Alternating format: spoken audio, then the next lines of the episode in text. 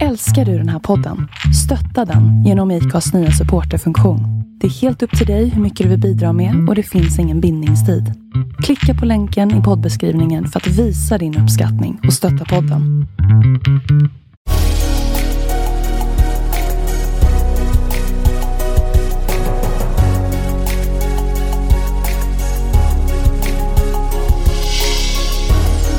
Välkommen till podden Vart är vi på väg? I denna podd intervjuar vi sociala entreprenörer och andra personer som är involverade i ekosystemet kring socialt entreprenörskap. Vi vill ge dig som lyssnare tips och inspiration till hur innovativa idéer och entreprenörskap kan vara lösningen på de samhällsutmaningar som vi står inför. Vi vill även inspirera människor till en livsstil med hållbara vanor och vi vill självklart lyfta fram alla fantastiska sociala entreprenörer i rampljuset. Varmt välkomna till dagens avsnitt av Vart är vi på väg? Vi är så glada att kunna göra den här podden och vi har gjort 50 avsnitt nu. Detta är ett litet eh, jubileumsavsnitt och eh, det är härligt väder. Vi är taggade. Sommaren är här med bravur. Trots dessa tider så hoppas vi att allt är bra med er kära lyssnare. Men till dagens avsnitt. Idag har vi med oss Abdulkadir Mohammed Bulan som är en av grundarna till organisationen och företaget Möjligheternas plats. De arbetar med unga utanför Eh, i åldrarna 16 till 25 där det handlar mycket om att stärka individer till att komma ut i studier, att eh, komma ut i arbete och ta för sig av samhället. De gör ett otroligt viktigt arbete eh, i en av Stockholms norra förorter med att just jobba med de här frågorna och, och vara till stöd för många unga. I samtalet får vi höra om Abdul Kadis bakgrund, där han kommer från Somalia, men växte upp större delen av sitt liv i just Sollentuna. Vi får höra om eh, olika berättelser från unga människors liv, hur, hur olika det kan vara från, från en stadsdel till en annan. Så häng med i det här väldigt viktiga avsnittet och eh, vi hoppas att det ska få ge dig insikter och inspiration till att faktiskt vara en del av lösningen framöver. Så häng med oss idag. Nu kör vi! Det gör vi. Vi är tillbaka här. Det var ett litet tag sedan vi spelade in sist. Ja, exakt och det känns väldigt eh, gott att få vara tillbaka här på eh, Clarion Sign idag. Ja, och eh, det här avsnittet är faktiskt vårt femtionde avsnitt. Är det så? Ja, så är det. Ja, men vilken fest. Då har vi eh, hållit på ett tag nu då. Ja, men det har vi gjort. Lite mer än ett år och tack till alla som lyssnar där ute. Och idag så har vi med en kär vän till mig, eh, Abdul Kadir Mohammed Bulhan, som är grundare av Möjligheternas plats. Välkommen hit! Tack så mycket. Hur är läget med dig? Det är bra tack. Hur är det att vara tvåbarnsfarsa som du är nu för tiden? Oj, eh, det är jäkligt kul, utmanande eh, och jobbigt ibland. Ja, och entreprenör och driva eget bolag, det måste vara en eh, balansgång där man får lära sig. Definitivt. Alltså det är att hålla många bollar i luften, att göra klar saker i tid. Och, men samtidigt så, som jag berättade för innan här, det kan vara lite skönt när man har mycket att göra att faktiskt ha barn. För då vet du att du har x antal timmar, sen får du runda av. Hur gamla är barnen? Eh, Den äldsta Elias är fyra år eh, och den yngsta Gibbe är eh, ett år nu. Vi jobbar ju delvis ihop en del. Jag har ju förmånen att få vara med och jobba i, i din verksamhet eh, några dagar i veckan och fått göra det senaste året. Eh, och vi kommer komma in mer på det idag, men berätta gärna lite kort vad det är du gör idag. Yes, jag driver organisationen Möjligheternas plats eh, som står på två ben idag. Dels så är det en ideell förening eh, som jobbar med ungdomar som saknar sysselsättning, eh, främst 16 till 25 år, där vi har, håller i ett Arvsfonden-projekt som är inne idag på sitt tredje år. Och så har vi lite andra typer av uppdrag där det är samarbete med främst Sollentuna kommun. Eh, och så är det eh, företaget som jobbar med coachning och köpta uppdrag. Då. Eh, och ibland finns det synergieffekter mellan båda eh, organisationerna. Och, men den stora skillnaden är väl att eh, på AB då är det köpta uppdrag. Medan föreningen så jobbar vi med det här projektet. Just det, lite mer ideella grejer där då. Yes. Du ska få berätta mer om det här framöver, men berätta lite kort om, om din bakgrund. Var kommer du ifrån? Jag kommer från Somalia. Flyttade till Sverige när jag var fem år med min pappa och min bror. Och flyttade ner till Uddevalla. Okej. Och redan där var ju ganska en enorm övergång. För från Somalia så bodde vi i en liten byhåla. Och att eh, komma ner till Europa kändes som någonting helt nytt. Och det är väl där jag bodde mina första två år. Eh, sen flyttade jag ner till Stockholm, i Sollentuna. Och där har jag bott sedan dess faktiskt. Jag har flyttat runt lite i Sollentuna, men eh, har bott där sedan, sedan 97. Okej, okay, så 95 kom ni hit eller? Mm, yes. Hur var det att komma från Somalia och hit? Oj, alltså jag har inte så många minnen från Somalia när jag var, för jag var så pass liten. Men den största skillnaden märkte jag, det var ju vädret. För vi kom ju när det var ju vinter här i Sverige. Liksom. Och, vi kom ner i, jag tror att det var t-shirts vi landade med. Och, men vi hade min farbror som bodde här sedan tidigare. Och, så det kände jag var en, en jobbig övergång de första månaderna. Just det, kylan, ett helt nytt område där man inte känner så många människor. Och det tog väl lite tid att uh, komma in i det. Men, uh, men det blev en smidig övergång så småningom. Men började du skolan då? Först när vi var nere i Uddevalla, alltså då började man i förberedelseklass. Liksom. Eh, och, och den tiden tyckte jag att det var ganska roligt för att det var inte så mycket ämnen. Det var mycket fokus på svenskan. Men sen var det mycket mer fritidsaktiviteter och komma in och ha kul och liksom lära känna folk. Eh, men det i sig, det var ju också en ganska stor kontrast till eh, det som, det som jag kom ifrån. Eh, för att det var ju inte så mycket kommunikation mellan mig och min bror och de andra eleverna. Men det var nog min trygghet ändå att, att eh, jag hade min storebror som är ett år äldre än mig. Att eh, alltid ändå ha honom och kunna kommunicera med honom och att inte vara beroende av någon annan. Vilket jag kände var en stor lättnad gentemot vissa andra klasselever som eh, inte hade några syskon eh, och, som, och som hade samma utmaningar som oss med språket. Hur skulle du säga att klimatet var när du kom hit? Liksom, i, hur människor tog emot er? Eh, var det många som kom i samma veva eller var ni ganska ensamma? Alltså, just i den skolan var det ganska många som var nyanlända. Eh, så att jag kände att man hamnade ändå i ett sammanhang, man var inte ensam i det. Men trots det så var det ändå ganska tufft just det här med att ja, men sitta i klassrum och inte förstå så mycket vad läraren säger. Och jag tror att det tog ett år innan vi fick typ någon eh, somalisk stödlärare som satt med oss på lektionerna. Så att, eh, men som sagt, jag hade ändå ganska mycket kul för att det handlade mycket om att spela boll och mm träffa brorsan och hitta på massa bus. Så att, nej, men man kom in i det ganska smidigt. Hade ni några släktingar här annars? Eh, min farbror. Ja. Och han hade ju två barn också. Så att eh, därav att vi hade ändå även på utanför skolan så hade man ändå ett visst umgänge och de var ju i liknande ålder som oss. Så att eh, man hade ändå någon som man kunde mm. vara med. Det var fotbollen som ändå var det roliga med skolan. Ja, ja, och det är därför jag pratar oftast om fotbollen som ändå är en viktig del av integration och hela det här att komma in i ett sammanhang. För att där behövde man inte prata så mycket, utan det handlar ju om att bollen ska in i nät. Liksom. Mm. Eh, Samma att, eh, regler över hela världen. Ja, så att, eh, det kände jag ändå var en, eh, en stor lättnad för oss båda. Och sen när ni kom till Sollentuna, vad var det som gjorde att ni flyttade dit sen då? Det var egentligen att eh, pappa fick eh, jobb i Stockholm eh, och via någon kontakt, någon som han kände, så fanns det möjlighet till en lägenhet här. Och, och, då flyttade vi ner hit egentligen genom att eh, han fick jobbet. Och då var det jag och brorsan eh, som flyttade ner med honom. Och min farbror flyttade ner några år senare också till Stockholm. Så att, men eh, det var egentligen att pappa fick jobb på Arlanda. Så att, eh, då var det dags att flytta. Du började antagligen skolan här i, i Sollentuna då antar jag. Hur var det att växa upp där? Det var en stor kontrast gentemot Uddevalla måste jag ändå säga. Eh, för då flyttade vi till Sollentuna, Malmvägen. Eh, och där var det inte så många nyanlända i den skolan, för det var en vanlig grundskola vi började i. Och, och det var inte så stor eh, övergång egentligen, men det stora övergången var snarare just det här eh, umgänget. För Uddevalla var ganska litet. Många, alla känner alla. Eh, ett ganska litet samhälle. Eh, och där var det så att även ungdomssituationen var lite annorlunda. Det var väldigt välkomnande. Och när vi flyttade till Sollentuna däremot, där kändes det som att det var lite djungelns lagar. Liksom. Och, och, det gjorde att vi hamnade ganska mycket i trubbel.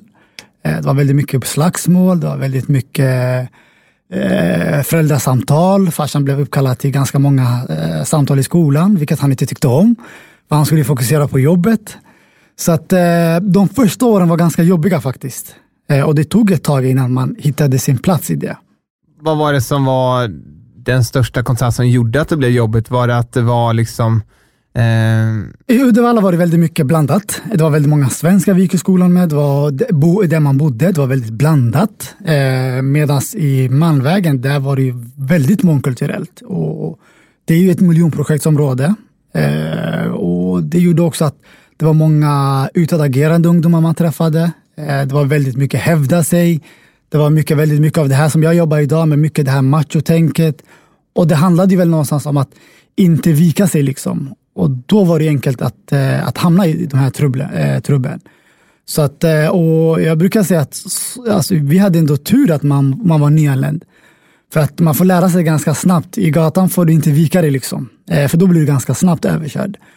Och det gjorde också att idag när jag tänker tillbaka så inser jag att man fick inte vara barn ibland, eh, kändes det som. För det handlar om att hela tiden ha sin gard uppe och liksom visa sig vara tuff och kunna ta för sig och inte låta någon trampa på en. Vilket gjorde att man fick inte kunna vara lite mer mjuk eller njuta av eh, liksom, umgänget eller att våga bjuda på sig själv. Så det handlade väldigt mycket om att eh, se till så att man var på rätt sida med rätt människor egentligen. Hur såg en dag ut när man liksom, skolan var gjord? Hängde ni ute mycket på gatan? Alltså, på skolan var det ganska eh, roligt tyckte vi, för att det var ju återigen som sagt att man var ju på lektionerna, eh, men det var ju rasterna, det hände mycket. Eh, fotbollsplanen, man går ner och spila, eh, spelar. Eh, någon åker på närkamp eller någon eh, råkar komma åt någon. Och egentligen borde det inte vara så mycket mer än så, men det blev oftast att någon blev sur över något. Och de som bodde redan där kände varandra och många var redan vänner med varandra sedan barnsben. Så det gjorde också att vi var lite de främmande.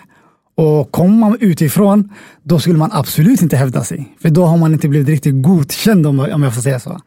Så att, eh, och som nyanländ, vilket jag ser ändå på många som jag träffar idag, då har man också ett annat tankesätt. Där handlar det tvärtom om att på samma sätt att inte vika sig, att eh, verkligen stå på sig och att ingen ska få trampa på en. Vilket gör då att det blir en direkt krock.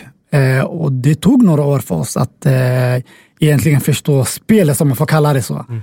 Så, att, eh, så de första åren var ganska turbulenta. Fotbollen är ju någonting som har, har varit vid dig under hela uppväxten ändå. Och just det här med, med vänner och eh, vänskapen som blir inom idrott, hur, hur viktigt har det varit för dig? Oj, jag skulle säga nästan alltså, livsviktigt. Alltså för att eh, förutom att hamna i ett sammanhang, eh, det var ju där man fick lära känna folk. Det var ju där man blev accepterad som en i gänget eh, och jag råkade vara rätt duktig på det. Så att, eh, och då, då, då, då tittar man inte på de andra sakerna så mycket. För är man duktig då blir du välkommen liksom, och vi hade riktigt bra ledare. Och det märkte jag också var en stor skillnad gentemot skolan, att ledarna på fotbollsplanen gentemot ja, med de ledare eller lärare som fanns i skolan där var det så att det var lite vilda västern på rasterna. Det var inte så mycket vuxen närvaro. Men på fotbollen då handlade det verkligen om att ja, man är ett i gänget. Liksom. Det är laget före jaget. Liksom. Eh, det är tydliga spelregler. Eh, alla ska underkasta sig. Alla har gemensamma mål. Så att där kände jag att där landade jag i, i, i rätt sammanhang. Och de ledare jag haft har verkligen format mig till den jag är idag. Både när jag var yngre men också i högstadiet, gymnasiet. Eh, och det har gjort att jag spelar fotboll ännu idag. Bara för att eh, jag tycker att det är en så viktig del i ens eh, vardag. Vad är det för egenskaper hos de här ledarna som du tycker är så viktiga? De hade enorm pondus. de kunde verkligen ryta ifrån. visade enormt mycket kärlek, men krävde väldigt mycket. Och vi kände verkligen att vi alla var lika inför dem. Eh, det fanns ingen favorisering, utan det var väldigt tydligt att alla ska förhålla sig till de här reglerna. Och gjorde man inte det, ja, men då åkte man ut. Liksom. Eh, och jag som ville komma in i ett sammanhang, för mig var det så att ja, självklart ska jag följa de här reglerna för att jag vill komma i de här sammanhangen. Och då fanns det inte så mycket utrymme för det här andra att hävda sig eller macho tänket. Visst fanns det instick utav det, men, men det var inget som märktes. För som sagt, det var ett väldigt tydligt uppsatta mål att vi ska spela tillsammans. Det är vi mot de andra. liksom eh, vilket var väldigt tydligt från våra ledare. Och blev det eh, tjafsigt eller slagsmål, ja, men, de kunde peka med hela handen. Liksom. Det, var, det var inga konstigheter. Så att, eh, det kände jag var ändå stor skillnad gentemot de andra vuxna. Eh, eh, vuxna, vuxna. Om du inte hade haft eh, fotbollen och den gemenskapen och det sammanhanget med de här liksom ledarna som eh, ledde dig på ett bra spår, var tror du att du hade hamnat då? Alltså det är alltid svårt att säga om det, eh, för jag hade verkligen eh, eh, stark föräldranärvaro eh, som, som ändå verkligen stöttade mig. Men jag tror definitivt att det hade påverkat mig negativt för att man ser ju att de, de där timmarna utanför skolan, eh, många av mina vänner från skolan, de hängde istället på, på området och hittade på bus eller bara stod och hängde på någon port eller inte hade något speciellt för sig. Men eh, vi, var, vi skulle komma hem, äta, gå iväg till träningen, spela. Du kommer hem trött, liksom, eh, äter middagen och så går du och lägger dig och förbereder dig för nästa dag. Så det gjorde att det var ett tydligt schema som man hade framför sig. Och sånt är enormt viktigt för unga människor. Att ändå ha, att vara sysselsatta med, med bra saker. Eh, så att jag skulle säga att det var enormt viktigt för mig. För det gjorde ju också dessutom att Ja, men eh, på den tiden testade man inte ungdomar lika mycket, men jag är ganska säker på att både jag och brorsan hade ADHD, för vi var ju väldigt sprattliga. Och det gjorde ju också att ja, men vi fick utlopp för de här känslorna. Att vara ute och träna och hålla igång, liksom, det gjorde att men du kunde komma ner i varv. Eh, och sånt är väldigt viktigt för unga idag. För att får de inte den möjligheten, ja, men då är de fortfarande utåtagerande, men då är de det på fel sätt. Mm. Eh, vilket gör att då hamnar du i vissa situationer som ganska enkelt kan eskalera och som gör då att eh, du hamnar i fel banor. Vad hände gymnasiet? Ja, gymnasiet, eh, återigen det här med som jag sa, med stark föräldranärvaro. I Sollentuna finns ju ett, eh, ett eh, gymnasium som är ganska välkänt i hela Sverige, Rubek. Och där gick ju de flesta som jag kände, väldigt många från eh, Malmvägen och i Sollentuna överlag. Och där ville jag ju gå. Men det fick jag inte av farsan. Utan det var väldigt tydligt att du ska välja en skola i stan han brydde sig inte så mycket vad det var för skola egentligen, men det var bara att komma bort från det här. Vilket jag tyckte var ganska häftigt, för min pappa är inte någon speciell, han är ingen akademiker eller välutbildad, men för han var det väldigt tydligt att han förstod ändå att du behöver lämna den här zonen liksom och se någonting annat, någonting nytt. Så att jag började en skola inne i Odenplan. Det här med liksom att din pappa var så tydlig med att få bort dig från ett sammanhang för att testa ett nytt sammanhang, oavsett egentligen vart du skulle, bara att du skulle någon annanstans. Och vad var det du läste där? Vad var det du fick liksom eh, vara med om där? Ja, alltså skolan heter IT College of Sweden. Det lät ganska fancy, men det var inte så mycket IT. men, var, men den hade en engelsk inriktning, vilket eh, grundskolan också hade i Sollentuna. Och där läste jag samhällsvetenskap med inriktning ekonomi. Vad pluggade du sen? Först tog jag ett sabbatsår, eh, jobbade, eh, flyttade ut hemifrån. Eh, efter att ha jobbat i ett år så kände jag ändå inte för att plugga. För jag visste inte vad jag ville bli och jag kände fortfarande någonstans att det här är ingenting för mig. Och återigen, det gamla mönstren gjorde sig påminda. Att det var inga jag kände som valde att plugga vidare. Det var väldigt många som valde att jobba vidare efter eh, gymnasiet. Och, men sen kom det efter det året, eh, så sa farsan, nu ska du plugga annars eh, så åker du ut. Liksom. Och jag kände väl någonstans att ja, men jag halvsöker väl och hoppas väl att jag inte kommer in. Eh, men han satte ganska ett ordentligt ultimatum och det gjorde så att eh, jag var ju tvungen att ta reda på vad jag ville plugga. Och komiskt nog så ringde jag en vän, en barndomsvän, som faktiskt valde att plugga den sommaren och frågade vad läser du?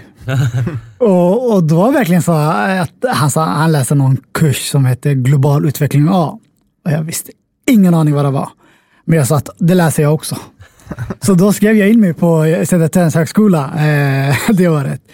Så att, och det, väl, det, blev väl min resa in i högskolan, att läsa en kurs som inte jag hade någon som helst aning om vad det innebar. Men återigen, just det här att röra sig framåt och återigen att hamna i ett sammanhang var viktigt för mig. Men just att läsa företagsekonomi, det var ändå viktigt för mig, för jag kände att ja, men, siffror och just det här med företagsamhet, det kände jag ändå var någonstans tilltalande för mig det kändes ändå som att det var jag på något sätt. Men, jag, men på den tiden förstod jag ändå inte, inte fullt ut. Men jag förstod ändå att amen, det är värt att testa. Mm. Och när jag väl läste företagsekonomi A-kursen och sen B-kursen, amen, då kände jag någonstans att amen, det vill jag ändå syssla med någonstans i framtiden. Och sen eh, har ju du jobbat inom det här med liksom Arbetsförmedlingen, du har jobbat på kommun, men mycket har ju handlat om det här med liksom arbetsmarknadsfrågor, eh, att, att hjälpa människor in i arbete på ett eller annat sätt. Eh, är det liksom en drivkraft som har funnits hos dig länge, att hjälpa människor i behov? Kanske människor som du jobbar med idag, som är från samma område som dig, uppväxt eh, på liknande sätt. Är det någonting som alltid har funnits där? Alltså, mm, på något sätt har jag ändå känt att det har funnits där. För som sagt, vi hamn, som jag nämnde att jag och brorsan hamnade en, en hel del i knasigheter. Men för mig så handlade det väldigt mycket, många gånger att stå upp för mig själv eller stå upp för eh, någon, som, någon, någon, av mina vänner. Så att, eh, och jag hatade orättvisor och jag hatade mobbare. Så att eh, just det här att ändå känna att eh, ja, men jobba med samhällsfrågor, det växte fram väl någonstans i, gymnasiet, eh, i gymnasiet, byggdes på lite i de här eh, internationella relationerna, för det handlar väldigt mycket om, om samhällsutveckling och, och, och de frågorna. Så att eh, det växte sig ännu mer starkare. Men kulmen skulle jag säga kom på mitt första jobb som var på Arbetsförmedlingen. För där insåg jag verkligen att vi har stort systemfel i det här landet. Att det finns statsapparater som är byggda för att hjälpa människor men så blir det ändå så fel. För att jag satt där som handläggare, 25 bast, och skulle hjälpa personer som var lika gamla som min farsa. Eh, och kände någonstans att ja, men de fick inte den hjälpen de behövde eller skulle ha för att komma vidare till jobb eller studier. Så att eh, någonstans blev, väl växte den drivkraften fram allt eftersom. Och efter två år på, tre år på Arbetsförmedlingen så kände jag någonstans att nej, jag kände inte längre att vi hjälpte människor. Det kändes nästan som att vi administrerade saker och ting och skulle hålla koll på människor och deras a-kassa och deras ersättningar. Eh, och då kände jag någonstans att nej, det här var inte det jag ville syssla med. Eh, och då gick jag vidare till Sollentuna kommun och jobbade återigen med arbetsmarknadsfrågor. Eh, och där kände jag väl att jag kom mer till min rätta. För där handlar det väldigt mycket om att amen, hur kan vi nå unga människor? Hur kan vi erbjuda extra stöd till de som står allra längst bort från samhället? Eh, och, och där kände jag verkligen att jag fick möjlighet att växa som person och ta med mig mina kunskaper från Arbetsförmedlingen. Och den här enheten var ganska nystartad. Man visste inte riktigt eh, hur man skulle jobba. Hur, vad vi skulle göra var ganska tydligt, men inte huret. Så då fick jag vara med och ta fram det. Eh, och, och, då fick vi forma någonting som inte byggde på massa system. Utan att, men hur, vad gör vi som gagnar individen bäst? Eh, och, och där var jag i fyra år. Eh, men återigen så kände jag också att ja, att jobba på en kommun, man kan göra eh, till en viss nivå. Eh, men vi nådde inte riktigt fram med den här målgruppen som, som kallas för unga utanför. Eh, som påminner väldigt många, mycket om mig själv eh, när jag var yngre. Och, och, då kände jag att jag ville göra något mer för att jobba på gräsrotsnivå, för att jobba lite på ett annorlunda sätt. För jag förstod någonstans att de mm, ungdomar idag, hur de är, hur de beter sig, deras mönster är inte anpassat utifrån hur myndigheterna är byggda. Eh, återigen, det här systemfelet som jag tyckte var återkommande, det gjorde sig påmind, även om det inte var lika mycket som på Arbetsförmedlingen. Så att, eh, och det är väl där någonstans just att komma igång och starta Möjligheternas plats eh, började växa fram. Det startades ju som en eh, ideell organisation, eh, men sen har det utvecklats. Kan du berätta lite kort liksom hur det startades och vad som har hänt fram till Eh, fram till idag? Alltså, själva möjligheten Möjligheternas plats startades, det var ju några barndomsvänner från eh, Malmvägen, bland annat, eh, som kände någonstans att amen, vi var en grupp som pluggade vidare på högskolan. De flesta hade fått bra jobb, välbetalt och någonstans hade lyckats i samhället. Men man kände någonstans att men, vi måste ge tillbaka. Vi ser fortfarande att det är många ungdomar som inte kommer vidare. Och jag var inte riktigt med i starten utan det var två andra vänner som startade det. Grundade ideell förening. Och som man oftast med ideella föreningar, då är det lite rädda världen-känsla. Och då började man göra, skapa fotbollsturneringar, nattvandring, workshops. Och jag kom till ett år senare och, och, kom in med min expertis som handlade om hur, får vi, hur skapar vi sommarjobb? Hur får vi in ungdomar på deras första instegsjobb? Eh, hur bygger vi CV för dem? Hur ska de bete sig på intervjuer? Eh, och för vi förstod någonstans att vi måste ju rusta de här. Och så höll vi på i nästan eh, två och ett halvt år. Och det är väl lite det som jag tycker är väldigt synd, just det här med den ideella sektorn, att det är väldigt resursfattigt. Vilket gör att det man vill göra och de resurser som finns tillgängliga inte, inte är kompatibla. Eh, och någonstans kände jag väl efter två och ett halvt år att amen, det här orkar jag inte riktigt med. För någonstans kände jag att amen, man har sin familj, man har sin egna karriär och man vill göra så mycket och man har testat sina idéer och ser verkligen att det här går att verkligen skala upp eh, med resurserna. Eh, om man får rätt resurser så att säga. Eh, och efter två och ett halvt år, då kände vi flera av oss väl att vi började tröttna någonstans, att vi inte fick gehör för de här ambitionerna som vi hade och bristen på resurser. Och någonstans bestämde vi oss att vi skulle satsa allt på ett kort egentligen. Och det var att söka extern finansiering. För vi insåg att, ja, men, eh, att eh, få lite bidrag från kommuner eller från olika stiftelser, det gav inte oss så mycket. Utan vi behövde jobba professionellt med det här. Och, och det är något som vi också märkte att det här är viktiga frågor. Eh, och det här måste man jobba med professionellt med. Eh, och då sökte vi bland annat Allmänna arvsfonden där vi fick tre år finansiering. Och det är väl det som blev verkligen eh, lyftet för möjligheternas plats. Att vi kunde helt plötsligt kunde anställa, att vi kunde jobba mer professionellt med det här. Att vi kunde bygga verksamheter som, som verkligen handlade om att hur fångar vi upp ungdomar? För idag handlar det väldigt mycket om att, ja, men hur, var finns ungdomarna? Vi pratar om den här målgruppen, men vi vet inte riktigt vart de finns. Sen pratar många om att ja, men, de kommer inte in på jobb eller de kommer inte in på arbetsmarknaden. Men vi inser inte riktigt att vad är det som gör att de inte kommer in? För oss blev det ganska tydligt att det var inte svårt att få in unga på arbetsmarknaden. Det handlade snarare att hur, hur, hur, hur lyckas vi få dem att bli långvariga i det? Hur lyckas vi göra så att de är redo att bibehålla det här jobbet? För att, att få in en ungdom eh, på ett jobb genom att bygga ett enkelt, snyggt CV och liksom prata på ett ganska hyfsat sätt i fem tio minuter på en intervju. Men det var inte där utmaningen började, utan utmaningen började egentligen när de väl fick jobbet. Kommer du i tid? Eh, gör du det du ska? Eh, hur klarar du de här sociala sammanhangen? Fikastunden? Vi tar för givet många saker som egentligen är väldigt eh, nytt för de här ungdomarna som inte är vana att hamna i de här situationerna. För de är ju vana i sin trygghetszon. Eh, och nu hamnar de i en helt annan eh, situation där de inte riktigt är byggda för det. Och skolan måste ge en känga till för att där pratar man inte så mycket om kraven på arbetslivet. Liksom. Vad förväntas utav en? Så det var väl någonstans där vi började prata om att vi skulle vi startade olika ledarskapsutträningar för unga människor. Eh, utöver att eh, hitta ingångarna till jobb och studier så handlar det väldigt mycket om att bygga dem som individer. För vi märkte att när vi byggde dem eh, med rätt förutsättningar, eh, för egentligen har de de ingredienserna inom sig, det handlar bara om att locka fram det. Liksom. Och, och då märkte vi att ja, men de blev mer långvariga. Eh, de kom in på studier. För någonstans handlar det väl att varje individ vill komma någonstans i livet. Alla har drömmar och mål. Men någonstans så filtreras det bort av, eh, av egentligen eh, sammanhang skulle jag säga. Eh, dåliga förebilder.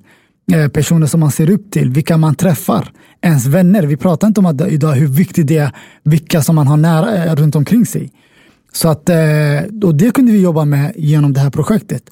Och då blev det väldigt tydligt för oss att vilka resultat vi nådde. Det blev allt fler som läste komvux. Det blev allt fler som kom in på arbetsmarknadsutbildningar. Det blev allt fler som tog del av egentligen de här insatserna som är till för den här målgruppen men som egentligen inte nådde dem innan vi kunde jobba med det här projektet.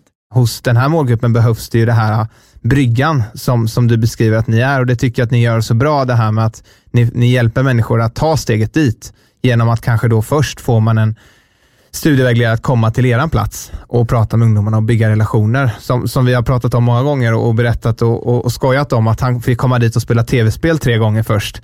Eh, och han säger att det här kan jag inte göra på min arbetstid och då sa du, gör det, lugn, sitt, sitt, sitt, sitt lugn i båten, det här kommer lösa sig. Och sen efter ett par gånger så står de i kö för att de vill ha hjälp med studieråd, de vill ha hjälp med liksom, hur, hur, hur de ska plugga upp sina betyg och, och det har ju verkligen gett ringa på vattnet och man får ge en stor eloge till, till David som han heter som har varit där. Men, men, men just det sättet att jobba, det är ett, ett, ett sätt som vi i vårt liksom vanliga sätt att tänka inte förstår och ser och, och, inte tror behövs, men det är så viktigt. Ungdomarna ser inte ut som de gjorde för 20 år sedan eller 30 år sedan. Men myndigheterna jobbar fortfarande så som de gjorde för 50 eller 60 år sedan. Eh, och då har vi en målgrupp som vi missar. Eh, och vilket ganska enkelt går att koppla till de här problemen vi har i, i, i många förorter idag. Eh, där vi ser att det är allt fler som misslyckas i skolan. Det är allt fler som inte kommer in på arbetsmarknaden. Eh, och då, då skapas de här parallella samhällen. Eh, för, att, för att ta ett exempel. Ja, men en ung kille, eh, 18 år idag, eh, uppvuxen med ensamstående pappa. Pappan är själv narkoman, själv aldrig riktigt jobbat, Eh, haft alltid beroende av ekonomiskt bistånd. Eh, Ungarna har haft dåliga förebilder, misslyckats i gymnasiet. Hur enkelt är det för den individen att ta sig till kommunhuset, att berätta om alla sina problem, verkligen öppna upp sig för en person som den inte känner eh, och faktiskt tala om hur det, verkligen, hur det ligger till för att sen be om hjälp. De, de, deras värld ser inte ut så. Eh, att, att öppna upp sig och prata verkligen om sina känslor och våga eh, tala om eh, sina svagheter. Det är tecken på svaghet. Eh, och det är väl någonstans där vi har pratat om att vi måste förändra hur vi jobbar med de här frågorna. Och vi måste stärka civilsamhället för det är där eh, de här relationerna redan finns. Och använda dem som brobyggare. För det var ju det vi gjorde med, med kommunen, liksom att, att, att verkligen visa dem att använda oss av de här brobyggarna. Ni behöver inte bli bästisar med dem, för den relationen har vi. Men kom ner från kommunhuset och våga träffa dem. Möt dem på en neutral plats eh, och visa på vad det finns för olika insatser. Och våga vara ihärdig också. För någonstans handlar det också om, väl om att, om att poletten ska trilla ner hos den här individen. Att den ska känna att ja, men, eh, kommer alltid finnas kvar. Vi har haft ungdomar, ja, men, allt har inte varit solskenshistorier. Vi har haft vissa vi har jobbat med i fyra år. Eh, och vi ser små, små, små steg eh, mot utveckling. Men likförbannat så är det en förändring.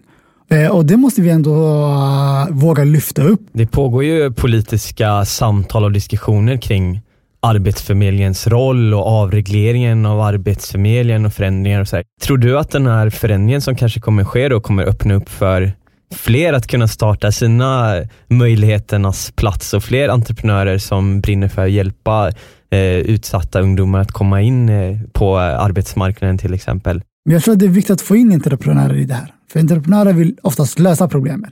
Eh, man tänker nytt. Man vågar eh, testa nya saker. Eh, och på samma sätt måste vi jobba med de här frågorna. För vi kan inte göra så som vi alltid har gjort. För det fungerar inte uppenbarligen idag. Så att eh, någonstans hoppas jag på att genom att öppna upp, att det kommer in nya aktörer som faktiskt eh, vågar se den här målgruppen och börja se dem som eh, framtida resurser.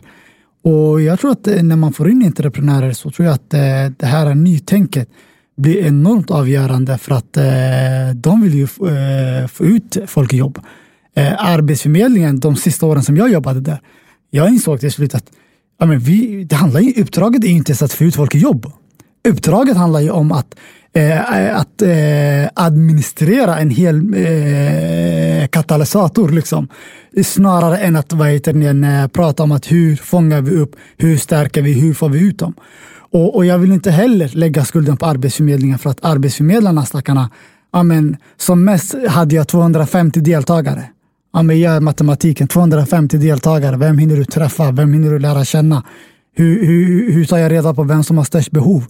Så att jag tror på att eh, öppna upp marknaden eh, samtidigt som det är viktigt att kvalitetssäkra.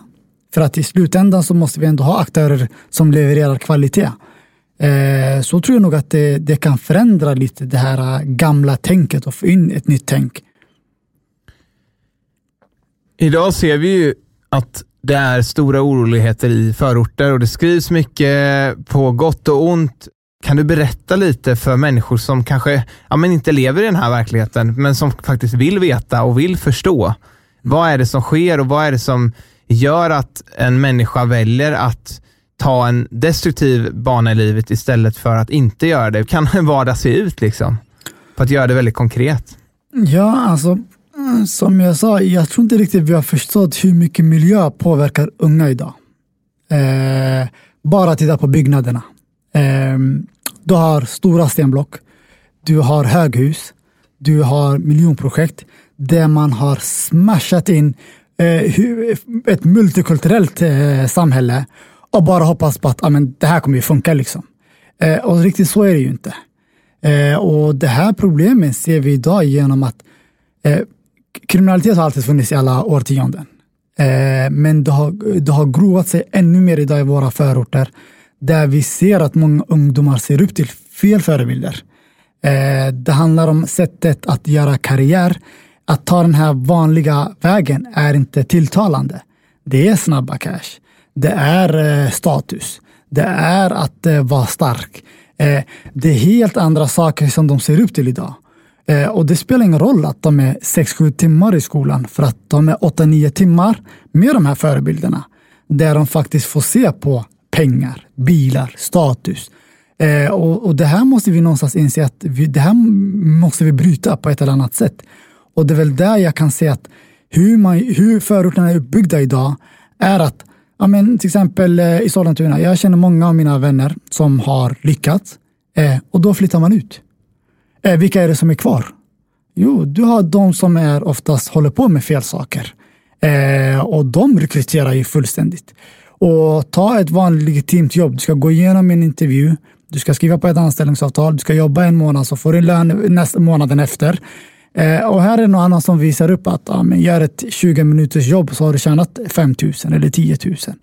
Eh, så att, och de här frågorna måste vi våga prata om idag vilka, om man ska säga vinster i form av människoliv som faktiskt eh, räddas ifrån eh, en, en negativ livsbana har du sett de senaste åren?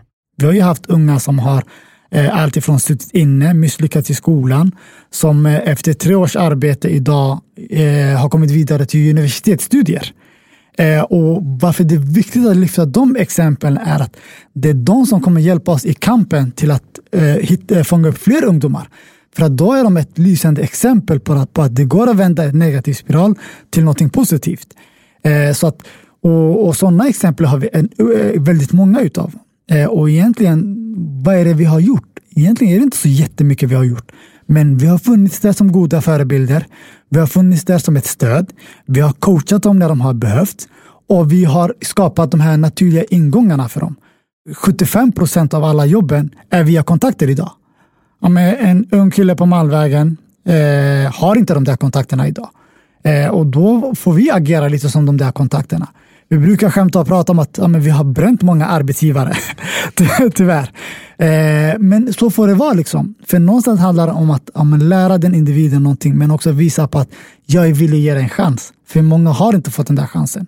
Vart ser ni er om tre år? Ni, ni tror på att det här går att skala upp kanske, att arbeta med mer nationellt? Ja, det är verkligen ambitionen. Eh, för att vi ser att det fungerar. Eh, vi ser att det finns ett stort behov eh, och vi ser att det finns en målgrupp som skriker efter det här stödet. Så att vår målsättning är väl att nu skala upp det här. Vi har samtal med andra kommuner, nu främst i norrort, bland annat Sigtuna, där vi har pratat om att göra en liknande verksamhet som vi har i Sollentuna. För att de har också utmaningar med samma målgrupp och de har sett att eh, vi har goda resultat och vi har gott rykte. Eh, och det är något som vi hoppas verkligen ska bli som eh, ringa på vatten, att kunna sprida det vidare. För att det behövs och det saknas idag fler den typen av aktörer, trots att det finns många andra som gör det gott. Och som jag nämnde i början här så är det viktigt att jobba med de här frågorna professionellt. Vi kan idag betala ett konsultuppdrag för att rita en väg så kan vi betala hur mycket pengar som helst. Men vi är inte villiga att betala pengar när det gäller att satsa på våra ungdomar idag. Eh, och det är väl någonstans där vi insåg att ja, men vi måste jobba uppdragsbaserat och mindre eh, det här bidragsbaserade. För någonstans handlar det väl om att ja, men tycker ni att det här arbetet är bra och viktigt, då ska ni kunna köpa vissa av de här uppdragen. Och precis som du säger, att bland annat coachningen som vi jobbar med idag, det är många företag som jobbar med det. Men coachningen innebär en timma, en träff i veckan. Eh, och det gör också att många av de här eh, företagen som jobbar med det har inte utrymme att jobba med de här mjuka värdena, eh, att eh, fånga upp dem, att eh, bygga individerna. Utan det bygger på stället att eh, du är jobb-ready, att du vet redan att eh, du ska söka jobben. Eh, och, och det där är inte många ungdomar idag. Och det är därför jag tror att vi tror på att det är en vinnande koncept att dels jobba med föreningen, som då jobbar med de här lite mindre uppdragen, de här mer mjuka värdena. Vi jobbar mer att kunna testa vissa idéer. Men på samma sätt att ändå ha AB som ändå kan, eh, där kommunen faktiskt kan köpa uppdrag. Eh, och vi har fått samtal bland annat från Göteborg dessutom. Vi har blivit uppringda av eh, Botkyrka kommun för att diskutera ibland vissa samarbeten. För vi märker också att ibland för kommuner så är det enklare att ha att göra med företag än för dem att göra med ideella föreningar. Vad är socialt entreprenörskap för dig? I många år har jag i alla fall haft uppfattningen att ja, men det är myndigheter, det är staten som ska lösa de här problemen. Och på senare år så är det så att man, får, man har fått in entreprenörskap. Och för mig innebär det att få in ett nytt tankesätt i att lösa viktiga och svåra samhällsutmaningar idag. Och det är för att eh, för mig entreprenörer tänker annorlunda. De vågar testa nytt. De vågar förändra och de är modiga. Eh, och det tycker jag är viktigt eh, att eh, få in idag i de här sociala frågorna. För att det är det som saknas idag. Och så är entreprenörer väldigt, väldigt målmedvetna. Eh, och det är det som jag tycker krävs för att lyckas i den här målgruppen. Så att för mig betyder som socialt entreprenörskap att få in ett business mind, eh, men samtidigt jobba mycket med hjärta för att våga lösa de här jobbiga frågorna. Vi brukar ställa den här frågan i podden om vad våra gäster tänker om framtiden och just i ett tioårsperspektiv. Eh, hur tror du att världen kommer se ut om tio år? Ja, jag tror att eh, det kommer bli stora förändringar i, i många olika branscher. Jag tror att vi kommer förändra vilka typer av jobb som finns, eh, vilka jobb som finns tillgängliga. Men också våra, hur vi interagerar med varandra. Jag tror att sociala medier Eh, kommer förändra eh, vilka yrken eh, som kommer bli långvariga. Det kommer förändra mm, hur vi tänker kring de här sociala utmaningarna som finns idag. Och jag är väldigt hoppfull att den här nya generationen som kommer fram, som är modiga, som vill testa nytt, kommer ta allt mer plats. Och de pratar med en röst som är lite att ja, men jag ska ta plats. Och det tycker jag är väldigt uppfriskande att se. Eh, och jag hoppas att verkligen att eh, vi vill att ge dem mer plats, även om jag tror att de kommer ta plats, eh, vare sig vi gör dem eller inte. Och jag tror att eh, det kommer sätta även utmaning för många företag idag, eh, för många, för många äldre, att också förändra sina verksamheter och hänga med i tiden. Så att eh, jag tror att den nya generationen kommer inte vara så mycket det här gamla 9 till 5 jobb, Eh, jag tror att det kommer vara väldigt mycket e-commerce som kommer växa fram. Jag tror att det är väldigt mycket eh, nya entreprenörer som kommer växa fram. Eh, många som kommer vilja testa nya idéer. Och jag är hoppfull ändå att får vi in dem och deras nya röster och det här modet att våga ta för sig så tror jag ändå att vi har en positiv framtidstro. Vad är ditt bästa tips till människor som vill bli bättre på att integrera sig mer med människor som inte är som sig själv? Det är nog att eh, våga träffa de här människorna. Eh, våga prata om de här obekväma frågorna. Att vara bekväm i att vara obekväm. Eh, och att, eh, för oftast när vi pratar om trygghetszon så handlar det väldigt mycket om att eh, vi pratar om en viss målgrupp. Men jag tror att det är jätteviktigt att även för de som har lyckats i livet, de etablerade, att de vågar träffa människor som inte ser ut som dem, inte lever som dem eh, och inte kommer från samma ställen som dem. Eh, att, eh, att, att faktiskt våga ta de här lite jobbiga fikasamtalen. Eh, det tror jag ändå är viktigt för att bryta det här mönstret eh, som idag där det är lite mm, att man inte vågar prata om vissa saker. Eh, och jag tror att det blir en stigmatisering som inte är bra heller. Eh, så där tror och hoppas jag att eh, man vågar komma utanför sin bekvämlighetszon och vågar möta de här individerna som inte ser ut som dem ett socialt företag som du tror på framöver? Jag har ju varit inne väldigt mycket sista tiden på eh, Deka och det här med Bling. Och jag tycker att de gör ju ett enormt jobb. Den typen av eh, företag, sociala företag. Ja, Deka var ju med här i podden tidigare, eh, som är grundare, eller en av grundarna till Bling, som jobbar just med det här, eh, lite som en startup-hub i förorten, där man eh, uppmuntrar eh, ja, men det här som du säger med entreprenörskapet från många som kanske inte hänger runt Stureplan, att, att få chansen att starta sina idéer och få hjälp att komma ut och, och, och nå till kapitalet och nå till marknaden. Så det gör de ett superbra jobb i. Ja, och, och det är för att Stureplan börjar få, ut, få slut på idéer medan förorterna bubblar av idéer.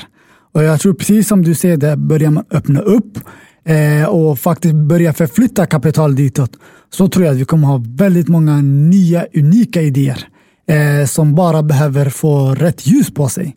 Så att, och vi har ju samarbetat med Bling en hel del. Vi har haft samtal med dem Och man märker verkligen att de gör en förändring i sina områden. Så det vill jag verkligen slå ett slag för. Sista frågan som vi har här är vem du skulle vilja se bli intervjuad i podden Vart är vi på väg?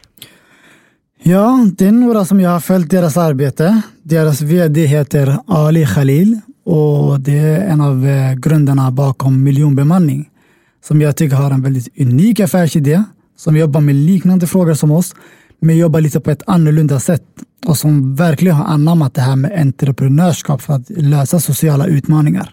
Så det skulle jag kunna tipsa om.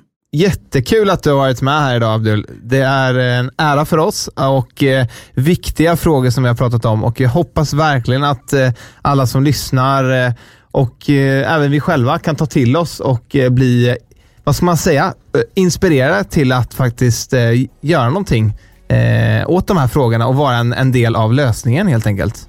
Och det tycker jag faktiskt ni redan är eftersom ni lyfter de här frågorna och faktiskt tar in personer som faktiskt jobbar med det här. Så att, jättekul att få vara med.